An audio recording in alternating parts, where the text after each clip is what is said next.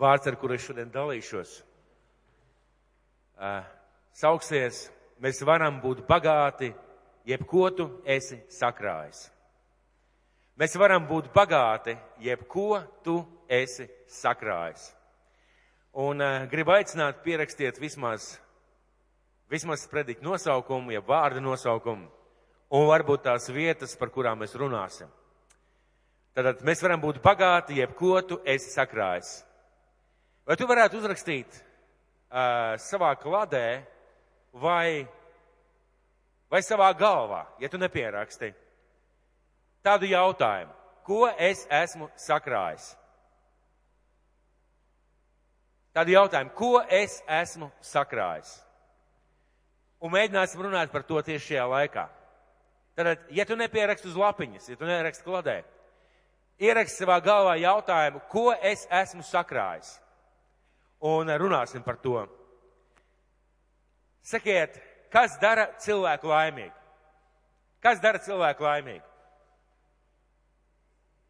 Kas dara cilvēku bagātu? Kas ir patiesa bagātība? Kas ir patiesa bagātība? Kas ir tāda īsta bagātība, pēc kuras būtu vērts dzīties? Šie visi jautājumi un daudz citi jautājumi ir tie, ar kuriem cilvēce cīnās gadu tūkstošiem. Un arī šodien daudz cilvēku uzdod šos jautājumus, domā par šiem jautājumiem. Un šie jautājumi tādā vai citādā formā skar mūs visus, gan ticīgus, gan neticīgus cilvēkus. Gan neticīgs, gan ticīgs cilvēks, tikai katram varbūt nedaudz savs skatījums vai savs fokus, uz ko mēs fokusējamies. Un ir cilvēki, kas par bagātību uzskata piedzīvoto, izdzīvoto notikumus savā dzīvē. Ja kāds atcerās tādu komponiju, Timans Kalniņš vecākā paudze atcerās, bija kāda dziesma, kas man personīgi ļoti daudz uh, iespaidoja man dzīvi kaut kādā dzīves posmā, un šajā dziesmā bija vārdi es esmu pagāts, es gribēju, es gribēju nodziedāt, bet tad es sapratu, ka uh, pēc tam jūs smiesieties visu dievkalpojumu par tevi manu dziedāšanu un nedomāsiet par to, ko es teicu. Tad es vienkārši citēšu. Un Imantam Kalniņam bija tāda interesanta dziesma, ir tāda dziesma, es esmu pagāts, man pieder viss, viss, kas ar mani noticis. Smaga ir tāda nasta, smaga, tu vari pat aizmirst, ka esi pagāts. Un ir cilvēki, kas uzskata par bagātību piedzīvoto savā dzīvē. Notikumus, situācijas. Tādi cilvēki parasti daudz ceļo, brauc, piedalās visādās avantūrās, piedalās visādos pasākumos, apmeklē visādas interesantas lietas, jo viņu dzīves bagātība, jeb tas, ko viņi uzskata par bagātību, kā viņi dzīvo, ir tas, ko viņi var piedzīvot, izdzīvot. Tie dažādi izdzīvotāji, ekstrēmisti, turisti, pārgājienu cienītāji Un ļoti bieži šiem cilvēkiem pie sienas, kā bagātības liecība, ir fotografijas no vietām, kur viņi ir bijuši. Medniekiem tie ir ragi pie sienām, makšķerniekiem tie ir fotografijas ar zivīm, izbāztas zivju galvas, un tas ir tas, kā cilvēks skatās, tātad viņu bagātība ir tas piedzīvotais dzīvē. Un šodien ļoti daudz cilvēku tiecās pēc tāda dzīves veida, lai nav garlaicīgi, lai nav skumīgi, tad cenšas izdzīvot kaut ko. Tā ir zināma vērtība. Tā ir zināma vērtība, tā ir svarīga vērtība, bet tā nav patiesa bagātība. Un Dievs nekad nav teicis, ka nav svarīgi, ko tu piedzīvo. Nē, taisnu otrādi. Dievs mūs ved cauri visādiem piedzīvojumiem, bet tā nav pati svarīgākā vērtība un nav lielākā bagātība. Ir cilvēki, kas par patiesu bagātību uzskata karjeru, pašrealizācijos, savu sapņu piepildījumu, savu mērķu sasniegšanu, savu aicinājumu izpildīšanu Uh, un bieži vien šīs lietas not pie darba holisma. Uh, cilvēki grib kaut ko sasniegt, viņi maksā lielu cenu. Maksā lielu cenu, lai kaut ko sasniegtu, jo viņiem ir sajūta, ka tā ir patiesā bagātība, kas ir kaut kas tāds vērtīgs, ko var piedzīvot. Un, ziniet, tā ir ļoti svarīga vērtība. Tā ir ārkārtīgi svarīga vērtība, jo mēs esam tādi radīti. Patiesībā Dievs radījis mūs pēc savu tēlu un līdzības. Un Dievam ir mērķi, Dievam ir plāni. Dievs vēlās kaut ko realizēt, un tas ir tikai normāli, ka mēs tādā veidā dzīvojam un redzam lietas, ka mēs darām kaut ko. Bet ārkārtīgi bieži mēs varam redzēt cilvēku dzīvēs, ka tā nav patiesā vērtība, ka tā nav patiesā bagātība, ka viņa karjera, viņa sasniegumi nav tas, kas padara viņu laimīgu. un tā nav patiesā bagātība. Ir cilvēki, kas uzskata mantu, jeb materiālas vērtības par, uh, par augstāko vērtību šajā pasaulē vai dzīvē, lielāko bagātību. Tā ir laba mašīna, nauda, ceļojumi, drēbes, labas drēbes, laba firmu drēbes. Un ir prātīgi rūpēties par savu ģimeni. Ir prātīgi rūpēties, un Dievs māca būt mums čakliem, saimnieciskiem, domāt par nākotni, domāt par lietām, ko mēs darām, domāt par savām finansēm.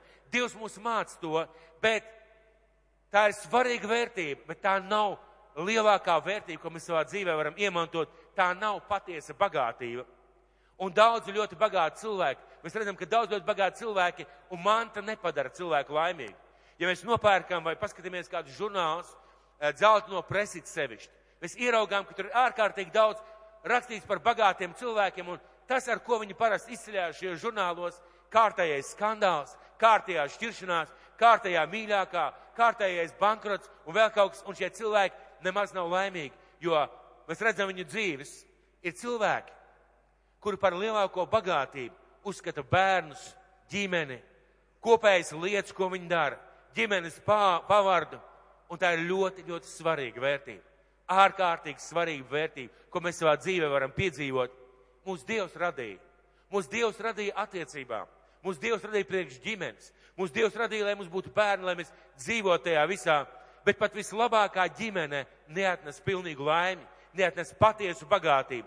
Un pat ja mēs tā domājam, tā nav. Pat ja mēs tā domājam, ja mēs tā skatāmies, tā tiešām nav. Un visās šajās lietās, ko es minēju, kaut kā pietrūkst. Kaut kā pietrūkst kaut kā tāda, ko mēs varam sakrāt, ko Dievs mūs aicina krāt, un par ko Viņš grib mums pastāstīt, ko Viņš grib mums atklāt. Un Jēzus Kristus dod atbildu šiem jautājumiem un runā par šiem jautājumiem, jo vēlas, lai cilvēki saprastu un vēlas, lai cilvēki patiešām būtu bagāti un laimīgi, lai dzīvotu kā bagāti cilvēki. Ieklausieties manos vārdos, lai dzīvotu kā bagāti un lai aizietu pie Dieva kā bagāti. Un tas ir tas, ko Dievs vēlās, lai tāds būtu mūsu dzīvesveids. Un šodien, draudz, cerības grib runāt par šo patieso bagātību. Un, ja es runāju ar ticīgiem, ļoti daudzos gadījumos, ja es nerunāju ar cilvēkiem, kas nepazīst Dievu vārdu, bet ja es runāju ar ticīgiem, un šodien šajā dievkalpojumā viņš runās ar tevi caur šo līdzību, caur savu vārdu, lietos arī mani nedaudz. Un Lūkas evaņģēlijas 12. nodaļa, 13. līdz 21. pāns. Lūkas evaņģēlijas 12. nodaļa, 13. līdz 21. pāns.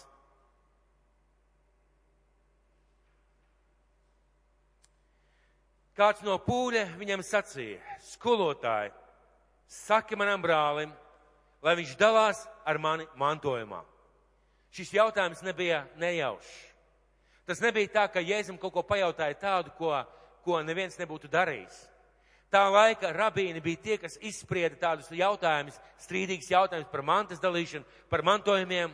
Un šis cilvēks griežas tādu domu pie Jēzus, jo, nu, ja kas, ja kas, kas zinās pareizi izspriest, tad tas būs Kristus.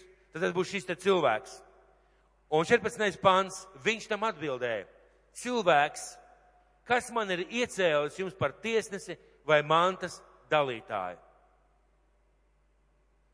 Un Jēzus šeit patiesībā atbild, es nespriedīšu, kam kas pieder, bet es vedīšu tev nedaudz dziļāk uz tavu sirdi. Es nespriedīšu par šīm ārējām lietām. Tev pieder tas un tev pieder tas. Sadaliet šādā veidā. Viņš saka, es nespriedīšu, jo man neviens par to nav iecēlis, tas nav mans aicinājums. Bet es gribu parādīt nedaudz dziļāk, kas ir tavā sirdī. Un lūk, sākās šī saruna. Un viņš tiem sacīja, pielūkojiet, Sargājieties no jau kādas mantrausības. Pat pārpilnībā cilvēks nedzīvo no tā, ka viņam ir daudz, kas pieder. Es lasu jauno tulkojumu. Es lasu jauno tulkojumu 15. pantā. Sargājieties no jau kādas mantrausības. Vārds, ko šeit lieto, vārds, ko šeit, kas šeit tiek lietots, ir uh, grieķu vārds, kas liecina par pastāvīgām slāpēm, neapmierinātību pastāvīgu tiekšanos pēc. Un Jēzus saka, sargieties no jau kādas mankārības. Jau kādas. Jau kādas mankārības. Un tas var būt jebkas. Tas var būt jebkas. tā var būt manta, slava, tā var būt atzinība, tie var būt panākumi, tāpat var būt liela kāpošana Dievam, tāpat var būt liela draudze, tāpat tie, tas pat var būt Dieva brīnumi, jo, ja tas ir domāts priekš tevis, ja tu domā to priekš sevis, tad tas nav tas, ko Dievs ir domājis par tām lietām, ko Viņš dod. Viņš dod šīs visas lietas. Bet, ja es saku, sargieties no jebkādas mantrausības, no skatījuma, no domas, no idejas uz sevi, man, kā man būtu izdevīgāk, kā man būtu labāk, kā man būtu kaut kas, eh, ja, ja, kaut kas atkrist no tā. Un iesaka sargieties no mantrausības, no šīs nepārtrauktās nepiesātinātības. Un veiksmīga nav dzīve, veiksmīga dzīve nav atkarīga no bagātības. Veiksmīga dzīve nav atkarīga no bagātības vai no tā, kas tev piedara, vai, kas tu, vai tas, kas tu esi. Veiksmīga dzīve nav no tā atkarīga. Un es nedomāju par kādu teoloģisku terminu, es runāju par patiesību. Patiesībā tava dzīve, tava dzīves kvalitāte nav atkarīga. Tavs iekšējais cilvēks nav atkarīgs no tā, kas tu esi vai kas tev piedara reklāmas kampaņu vadītāji un reklāmu devēji un tirgotāji, viņi izdod miljardiem vai miljoniem dolāru par reklāmu. Un ziniet, kas ir tā poga, uz ko viņi cenšas spiest? Ja tu šito nopirksi, tu būsi laimīgs. Ja tu šito dabūsi sev, tad tas tev piederēs, tu būsi priecīgs. Vai visi ir redzējuši reklāmas rullīti, kur cilvēks nopērk Dormeo madraci, atrulē, guļ un smaida un brīnišķīgi sajūta, un viņš ir laimīgs, pareizi tā ir tā poga, uz ko reklāmas devējs spriež. Mums ir mājās darmeo madrats. Labs madrats. Bet tas man nepadara laimīgāk. Tas nepadara nevienu laimīgāk. Tā ir lieta, ko mēs lietojam, bet reklāma ir, ja tu to dabūsi, tu būsi laimīgs. Un tas, ko mēs šodien redzam apkārt, daudzas labas, vērtīgas lietas, kas mums kā cilvēkiem ir vajadzīgas. Viņas tiek pasniegts, ja tas tev būs, tu būsi laimīgs. Bet mēs zinām, ka tas, kas man pieder, neatnes laimi. Tas, ko, kas es esmu, man neatnes laimi. Esmu redzējis nelaimīgus profesorus. Esmu redzējis nelaimīgus māksliniekus, pasaulē atzītus cilvēkus. Mēs varam redzēt tādus, varam skatīties par tādiem, un bieži vien ir nelaime. Piemēram, es minēšu kādu piemēru, ko es jau kādreiz minēju. Man ļoti iespaidošs šis piemērs - Fredijs Merkurijs, grupa Queen. Vai kāds zina par šo grupu? Jaunieši, jūs esat dzirdējuši? Esat dzirdējuši, jā? Ja? Izskatījās ārkārtīgi labi no ārpus, pareizi. Un kad Fredijs Merkūrijs neilgi pirms savas nāves rakstīja vārdus, ja pareizi ko teica vārdus atbildot uz žurnālu jautājumiem, šie vārdi bija dramatiski. Ziniet, ko viņš teica? Tev var piederēt miljoniem sterliņu mārciņu, un viņam piederēja. Tev var pielūgt un dievināt miljoniem cilvēku, bet tu vari būt visvientuļākais cilvēks pasaulē. Kā viņš to zināja? Kā viņš zināja, kā jūtās bagāts, bet vientuļš cilvēks? Viņš pats bija tāds. Viņš pats bija tāds, jo viņš bija krājis un sakrājis slavu, atzinību un mantu, bet tas viņam nedēļ gandrību. Tas nedēļ šo patieso bagātības sajūtu.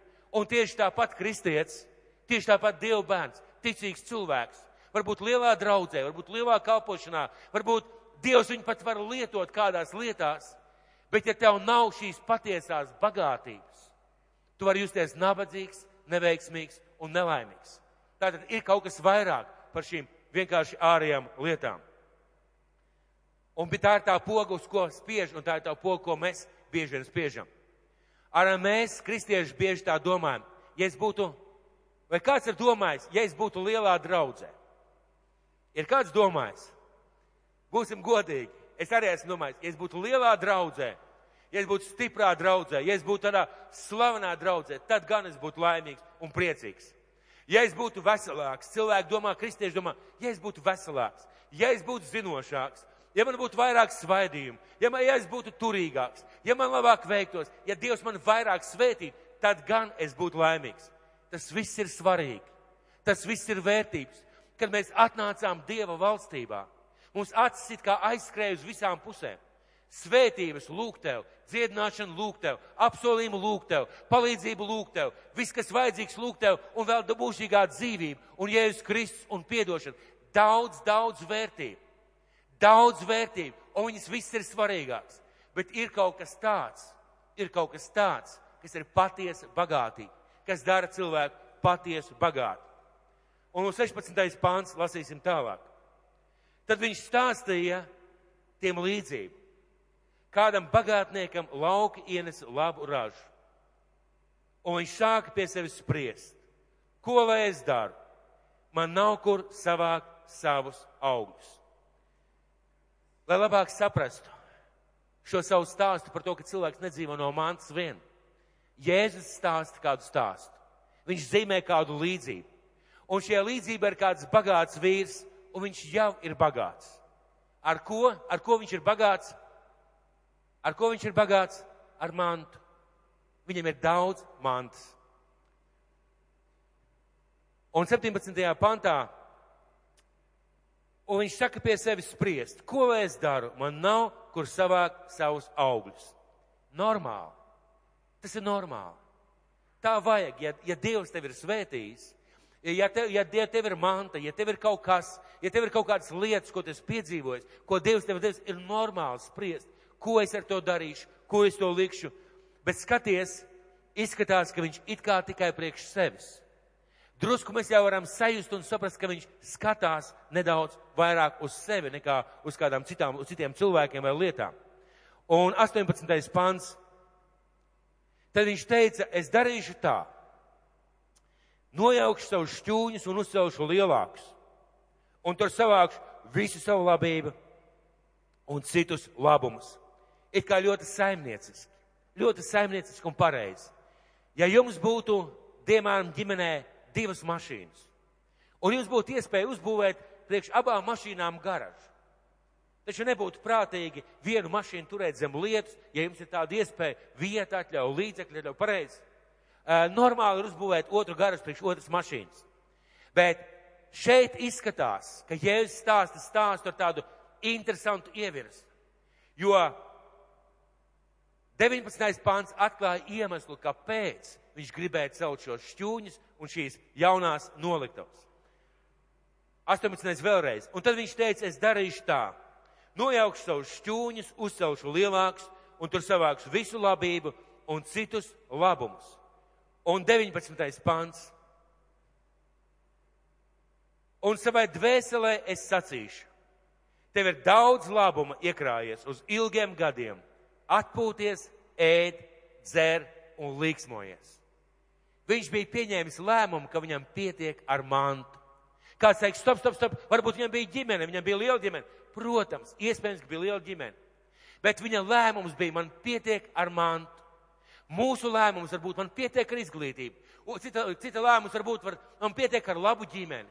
Cita lēmums varbūt man pietiek ar labu darbu, man pietiek ar aicinājumu, man pietiek ar manām dāvanām, man pietiek ar manu draugu, man pietiek ar visām lietām, man pietiek ar to visu, man vairāk neko nevajag, esmu apmierināts, esmu laimīgs. Un viņš izskatās, ka viņš tā arī taisās dzīvot. Interesanti, interesanti. Viņš saka, un es teikšu savai dvēselē. Un es savai dvēselē es sacīšu. Un kas ir interesanti? Īstenībā viņš savai dvēselē nepiegriez uzmanību. Patiesībā savai dvēselē viņš nepiegriez uzmanību, viņš piegriez uzmanību savai miesai. Viņa dvēsele patiesībā palika badā, jo tās visas lietas bija miesai. Tās visas lietas bija tam, lai viņš veiksmīgi un laimīgi un varbūt bagāti dzīvot. Un daudz tā domā. Daudz tā domā, viņi domā tikai par to, kas ir vajadzīgs šeit fiziskajai miesai. Un daudz kristiešu tā domā. Daudz kristiešu tā domā, Kaut Dievs svētīt. Nu, kaut Dievs svētīt. Un paldies, Dievs, tu mani svētīji. Kaut Dievs palīdzētu, no tā es dzīvošu. Vai Dieva svētība ir laba lieta? Laba, pareizi. Vai Dieva žēlastība un palīdzība ir laba lieta? Pareizi. Vai tas dara mūs bagātus? Vai tas dara mūs bagātus? Tas dara mūs svētītus, bet vai bagātus? Vai tas dara mūs bagātus? Ir kaut kas vairāk. Tas ir instruments, lai mēs varētu sekot Dievam. Mēs runāsim tālāk, kas ir šī patiesā bagātība. Un daudz kristiešu tieši tā domā, un tur jau ir tā nelaime. Kad cilvēki domā, ja Dievs mani svētīs un es tikšu augstskolā, tad es būšu laimīgs. Dievs grib, lai tu tiec augstskolā. Dievs grib tevi svētīt. Bet vai tas tev sagādās laimi? Vai tas tev sagādās bagātību?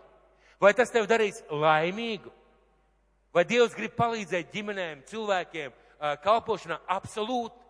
Bet vai tas sagādā laimi, vai tas sagādā patiesu bagātību?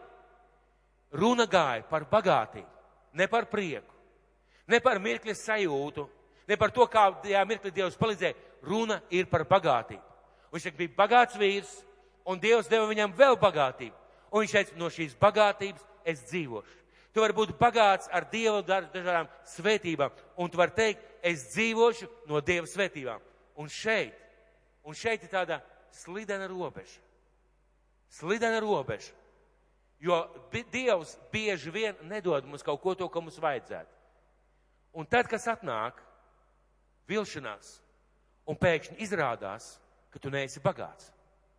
Jo Dievs tev tajā laikā mirklī, ka tev kaut ko vajadzēja, neiedeva. Ko tas nozīmē, ka tā bagātība, kura te, kurai tev vajadzētu būt, viņa pazūd tajā mirklī, kad Dievs tev kaut ko neiedeva? Tad tā ir ārkārtīgi slidena un gaistoša bagātība tad tas ir kaut kas tāds, kas vienu mirkli ir, vienu mirkli nav. Vai Dievs tā darbojas? Vai Dievs tā strādā? Vai tā ir tā bagātība, ko Dievs mums ir apsolījis? Šim cilvēkam pietiek ar mantu, un daudziem kristiešiem, diemžēl, tā pietiek. Kāpēc es zinu, ka tā domā? Jo es redzu, ka cilvēki tā dzīvo. Es redzu, ka cilvēki tā dzīvo. Man pietiek šai dienai, man pietiek rītdienai, esmu bagāts, man viss ir kārtībā. Kāpēc? 20. pants. Tad di viņam Dievs sacīja, neprātīgais, šī naktī tev atprasīšu dzīvību. Kam tad piederēs tas, ko esi sakrājis? Tad viņam Dievs sacīja, neprātīgais, šī naktī tev atprasīšu dzīvību. Kam tad piederēs tas, ko esi sakrājis? Un uzsvers būs, ko esi sakrājis. Kam tad piederēs tas? Un mēs zinām. Mēs zinām, kā cilvēku dzīvē, kā pasaulē, diezgan bieži un diezgan pēkšņi viss var pazust. Vienkārši vienā mirklī viss var pazust. Tā var būt slimība, tā var būt nelaime, tā var būt ekonomiska krīze, tas var būt karš, problēmas kaut kādas, traģēdija ģimenē, tas var būt ģimenes strīds kaut kāds, un gal galā pat tā var būt nāve. Un ko tas nozīmē? Ko tas nozīmē? Ja man ir daudz mantas, ja man ir laba ģimene, ja man ir daudz piedzīvojumu, ja man ir laba izglītība, man sokās sevis pašu realizācijā, tad vienā mirklī, kad Dievs paņem manu dzīvību, tas viss pazūd. Tas viss pazūd, tad vai tā ir bijusi bagātība? Vai tas ir bijis tas, uz ko man bijis jābalsta savu dzīvi? Ja kristietis, ja kristietim visi, kas ir, ir Dieva svētība, Šī bagātība ir Dieva svētība, Dieva palīdzība, Dieva roka manā dzīvē. Tas viss ir vajadzīgs, tas ir vērtība, tā ir svētība no Dieva. Bet ja tajā mirklī, kad Dievs mani paņem prom no šīs zemes vai kaut ko izmaina manā dzīvē, ja tas pazūd, vai tā ir tā bagātība, ko Dievs aicināja man e, krāt? Jo skatieties, jautājums ir, jautājums ir, kam tad piederēs tas, ko esi sakrājis? Un ja tu esi krājis tikai šīs lietas, tad tas viss pagaist. Un pēdējā laikā es nezinu, kur paliek karjera, izglītība, manta, panākumi, pat ģimene, pat kalpošana, pat lieliska draudz. Vai tas ir tas, kas iet līdz ar mani debesu valstībā un dara mani bagātu? Kāpēc? Jo Jēzus uzdod 21. pantā jautājumu. Tā notiek tam, kas krāja tikai sev, bet netop bagāts Dievā. Tā notiek tam, kas krāja tikai sev, bet netop bagāts Dievā. Un jautājums pēdējā rindiņā, 20. Eh, pantā, 20. pantu parādiet lūdzu. Ko tu esi sakrājis? Ja tajā mirklī tas viss pazūd, tad ko tu esi sakrājis? Ko es esmu sakrājis. Pat ja esmu kristietis un ja tās ir tikai Dieva svētības. Un pēdējā laikā Vai esat pie, piefiksējuši presē, piefiksējuši presē un ziņās aizgājuši mūžībā daudz lielu mūziķu. Daudzi Latvijā pazīstam mūziķu, pasaulē pazīstam mūziķu. Vienkārši vienu dienu viņi aiziet un nomirst. Un uh, mēs varējām lasīt un ziņās nesen aizgāja mūžībā Pīts Andersons. Uh, slavenība Latvijā, rokenrola karalis, kā tik viņu nedēvēja, viņu, viņu uh, atzīmē kā vienu no autentiskākiem rokenrola izpildītājiem bijušajā padomjas Savienībā. Viņš ir saņēmis Amerikas rokenrola balvu kaut kādu. Cilvēks, kur pazina pat pasaulē, respektēja un Latvijā ļoti mīlēja un cienīja viņa mākslas dēļ, šīs mūzikas dēļ. Un pēkšņi šī cilvēka dzīvē ienāca vēzis. Un, eh, kā es lasīju žurnālā, tad pēdējās savās dienās viņš rakstījis un teica, ka viņš gaidot nāvi kā atpestīšanu. Un jautājums, jautājums, kur palika tas, ko viņš sakrāja? Viņš sakrāja slavu, popularitāti, dziesmas, ierakstus, albumus. Kam tas palika? Kur tas palika? Klausītājiem. Tas palika klausītājiem. Tas nepalika viņam. Tas palika tiem, kas palika. Viņi joprojām priecāsies un jaunai paudzē pēc gadiem desmit neko vairs neizteiks, varbūt vārds Pīts Andersons. Slavenības, kas ir bijuši, teiksim, Bills Gates un tādi cilvēki, Bills Gates laikam vēl, vēl šajā pasaulē, bet dibinātājs Microsoft, dibinātājs viņš arī ir mūžībā, paliks tikai vārds, uzvārds un lielie panākumi, kas notika. Bet kam tas paliek? Tas paliek šeit. Šeit, palicēja, palicēja lietos, palicēja klausīsies, palicēja dzīvo šajās atmiņās, palicēja, ja tev ir lieliska ģimene. Lieliska ģimene, un tas ir lielisks ģimenes cilvēks, kur paliks tas, ko tu esi sakrājis kopā ar ģimeni. Jā, tas paliks viņu prātā, atmiņā, sirdī, bet kam tas paliks? Tas paliks viņiem. Un iedomāsimies situāciju. Šeit ir svītra. Tur, šeit ir dzīve, un tur ir mūžība. Un tagad ja viss, ko esmu krājis, ir tas, kas man ir piederējis, vai ko esmu darījis tikai šajā dzīvē priekš sevis, tad sperot soli tur, man līdzi nekas neseko. Līdzi nekas neseko. Ne liela draudze, ne svaidījums, ne māka sludināt, ne kalpošana cilvēku, nekas neseko. Bet kaut kam vajadzētu būt pareizi. Kaut kam vajadzētu būt. Kam tas viss piederēs? Klausītājiem. Bet kas pieder tev aizgājēji? Kas pieder tev un ko tu krāji?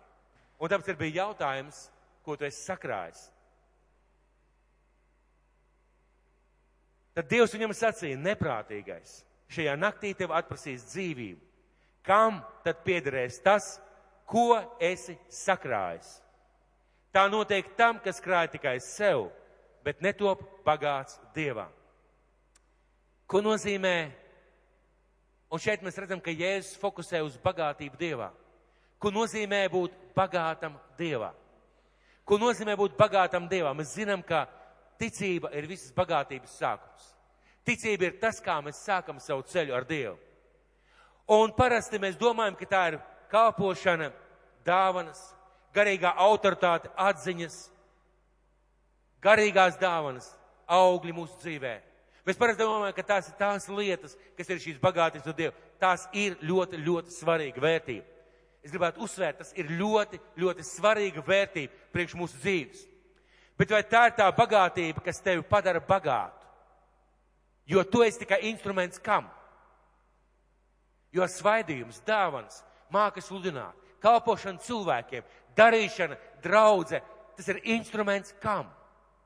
Kam instruments? Dievam, jā? Ja? Bet ko Dievs caur to dara? Ko Dievs caur to dara? Ko Dievs caur to dara?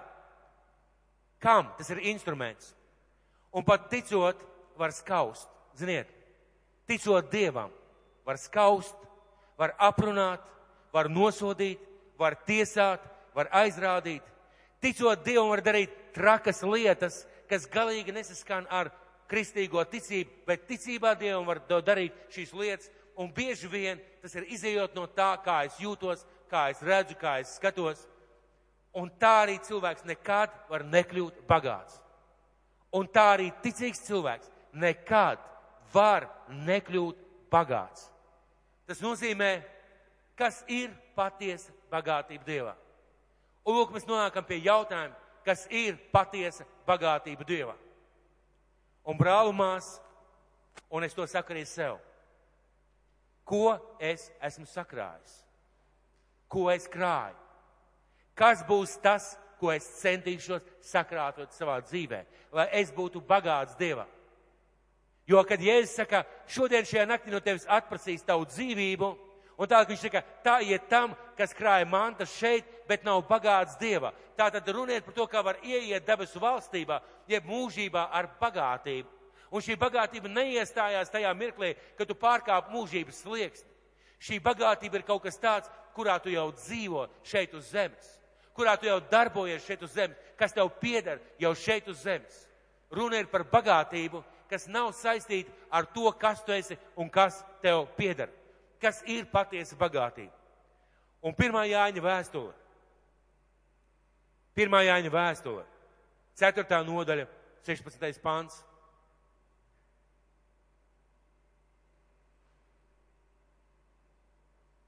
1. Jāņa vēstule, 4. nodaļa,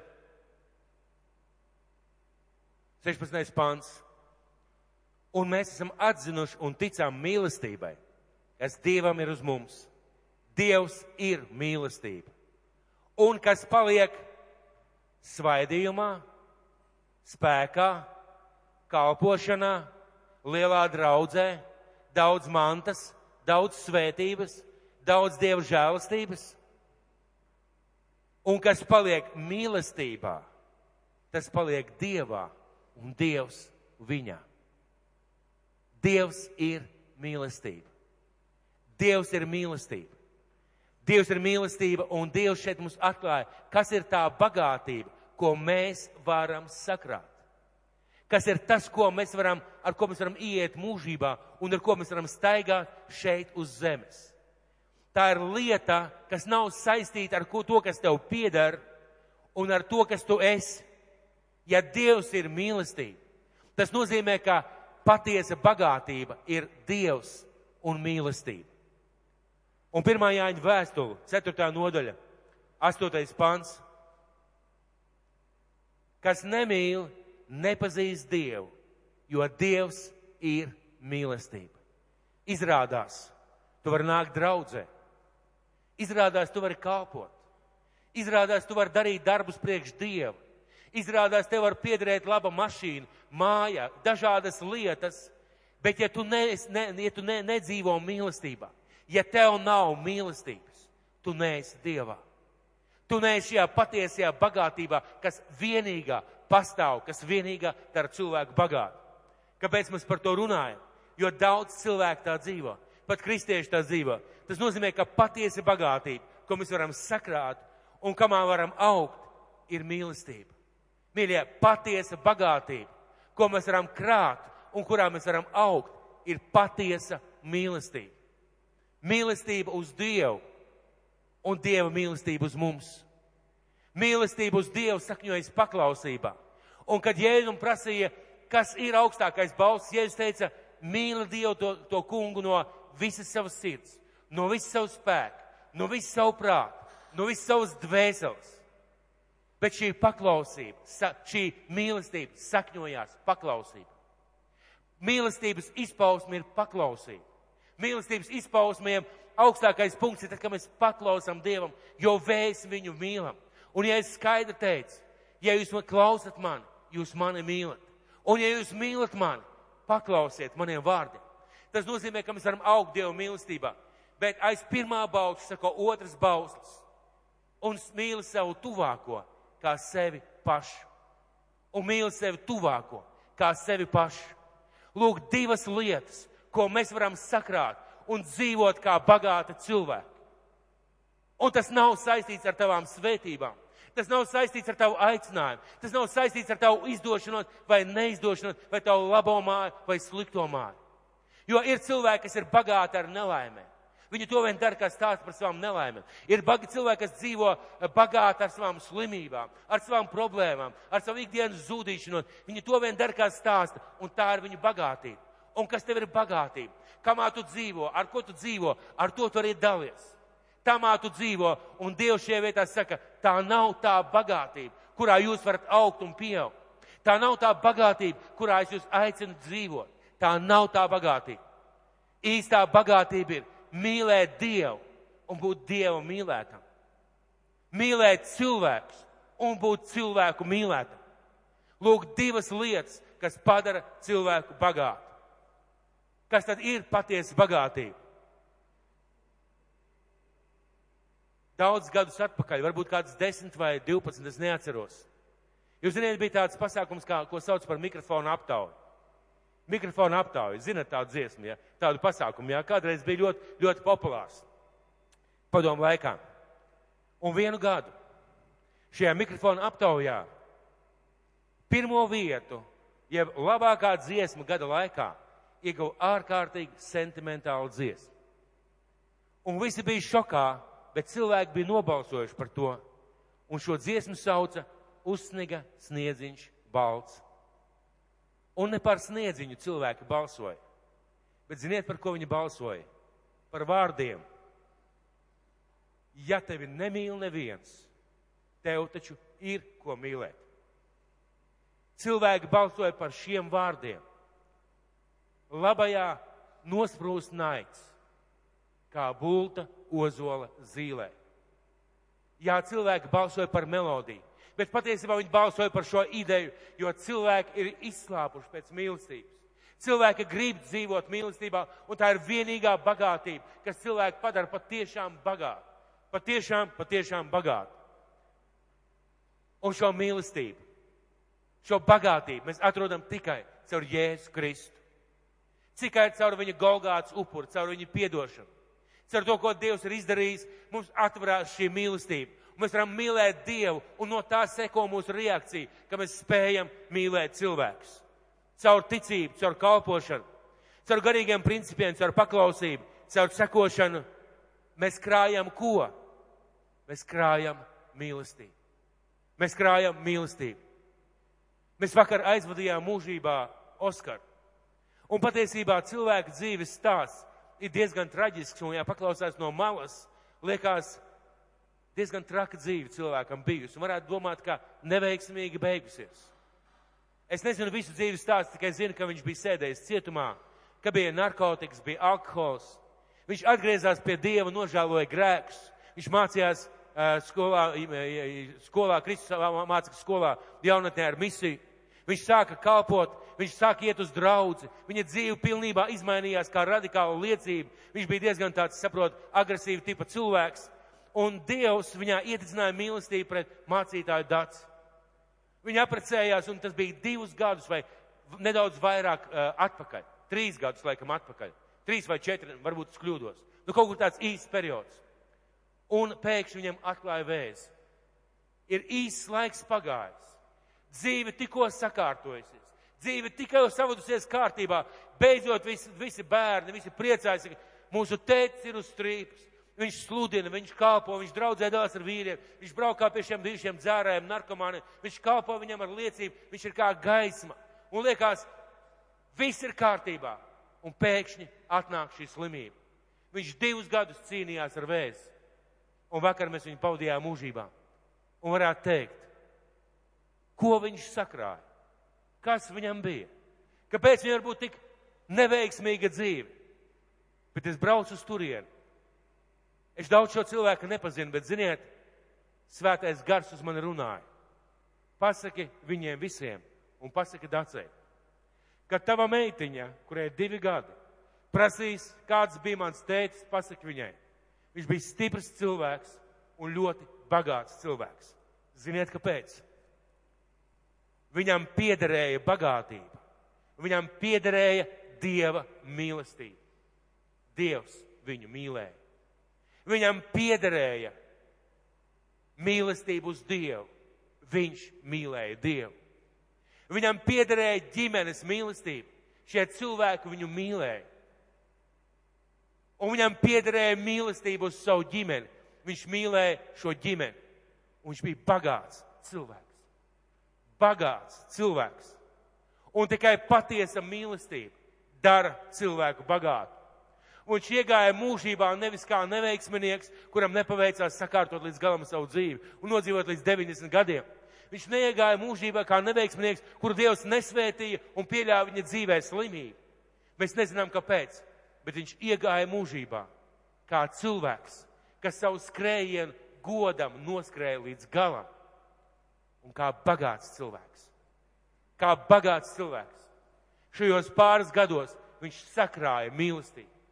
Viņš aizgāja mīlot, un tie cilvēki, kas bija bijuši slimnīcā, neilgi pirms viņa nāves, viņi teica, viņš nežēlojas, viņš cieta sāpes, viņš nežēlojās, viņš neskuma, viņš nebēdājās. Viņš zināja, kam ir uzticējies, un viņš gaidīja, ka viņš satiks savu kungu. Bet ziniet, tu vari gaidīt savu kungu ar drošu sirdi un gaišu skatienu tikai tad, tikai tad, kad nevis tev ir bijusi liela kāpošana, kad tev ir bijusi brīnišķīga karjera, ka tev ir lieliska izglītība, vai ka tev ir bijusi lieliska ģimene. Tas viss ir vajadzīgs. Dievs to dod, Dievs svētī. Bet tad, kad tu esi bagāts, bagāts mīlestībā uz Dievu un bagāts mīlestībā uz cilvēkiem. Un tā ir tā bagātība, kas dara cilvēku gan bagātu, gan laimīgu. Un mums, man un tev, var piederēt cilvēku mīlestība. Es lietošu vārdu kā piederības lietu. Tev var piederēt cilvēku mīlestība, jo cilvēki tev mīl. Tev var piederēt mīlestība uz cilvēkiem. Tev viņa pieder, viņa ir tev iekšā, tā ir tava bagātība. Tu mīli cilvēkus. Bet ar to ir par maz. Ar to ir par maz. Tas nav pilnīgi. Tev vajag, lai tev pieder Dieva mīlestība uz tevi. Un tev vajag, lai tev pieder die, mīlestība uz Dievu. Ka tev pieder mīlestība uz Dievu. Ka tā ir tava bagātība. Kāpēc? Tikai tāpēc, ka viss ir nepilnīgs. Un vēstulē romiešiem, romiešu vēstulē, 13. nodaļa, 13. pants. 13. nodaļa, 13. pants. Un šie vietē ir runa par mīlestību, un sākās šī 13. nodaļa. Ja man būtu spējas kalnus pārcelt, ja es zinātu visus atklāsmes dziļumus, ja man būtu pravieša dāvans, ja man būtu izcila izglītība, un ja man nebūtu mīlestības, es neesmu nekas. Un kas to pateica? To pateica Dievs. Un beigās viņš beidz šo nodaļu ar vārdiem. Tā nu paliek ticība, cerība, mīlestība. Šīs trīs. Bet lielākā no tām - mīlestība. Kas tev pieder? Ko tu esi sakrājis? Ko mēs krāsim savā dzīvē? Kas būs tās vērtības, ko mēs krāsim? Kas būs tās lietas, ko mēs kā kristieši liksim uzsvaru? Kas būs tas, kā mēs dzīvosim, kā mēs skatīsimies? Kas būs mūsu bagātība? Vai Dieva svētība? Vai Dieva palīdzība? Vai Dieva roka mūsu dzīvē, kas ir vajadzīga? Vai tas, ka tev pieder mīlestība uz Dievu un ka tev pieder mīlestība uz cilvēkiem? Ka tev pieder Dieva mīlestība un ka tev pieder cilvēku mīlestību. Un Oskars aizgāja, es domāju par viņu, es skatījos, un es domāju, šo laimīgs cilvēks. Un ne tāpēc, ka viņš beidzot aizgāja mūžībā un nav vairs problēma, bet viņš pēdējos gadus nodzīvoja kā bagāts vīrs, bagāts vīrs, bagāts vīrs. Viņa ģimene viņu ļoti mīlēja. Viņš mīlēja ģimeni. Dievs viņu ļoti mīlēja. Un viņš ļoti mīlēja Dievu. Tā ir patiesa bagātība. Lai Dievs mūs svētī. Un atgriežamies pie pirmā jautājuma, ko es aicināju jūs ielikt savā prātā. Ko es esmu sakrājis un ko es krāšu? Un mīlestība vienmēr ir darbība. Tas nav tikai jūtas. Mīlestība vienmēr ir darbība. Tas nav tikai jūtas. Lai Dievs mūs svētī. Lai Dievs mūs svētī, ka mēs būtu pagāti mīlestībā, ka mēs būtu pagāti Dievā. Jo Dievs ir mīlestība.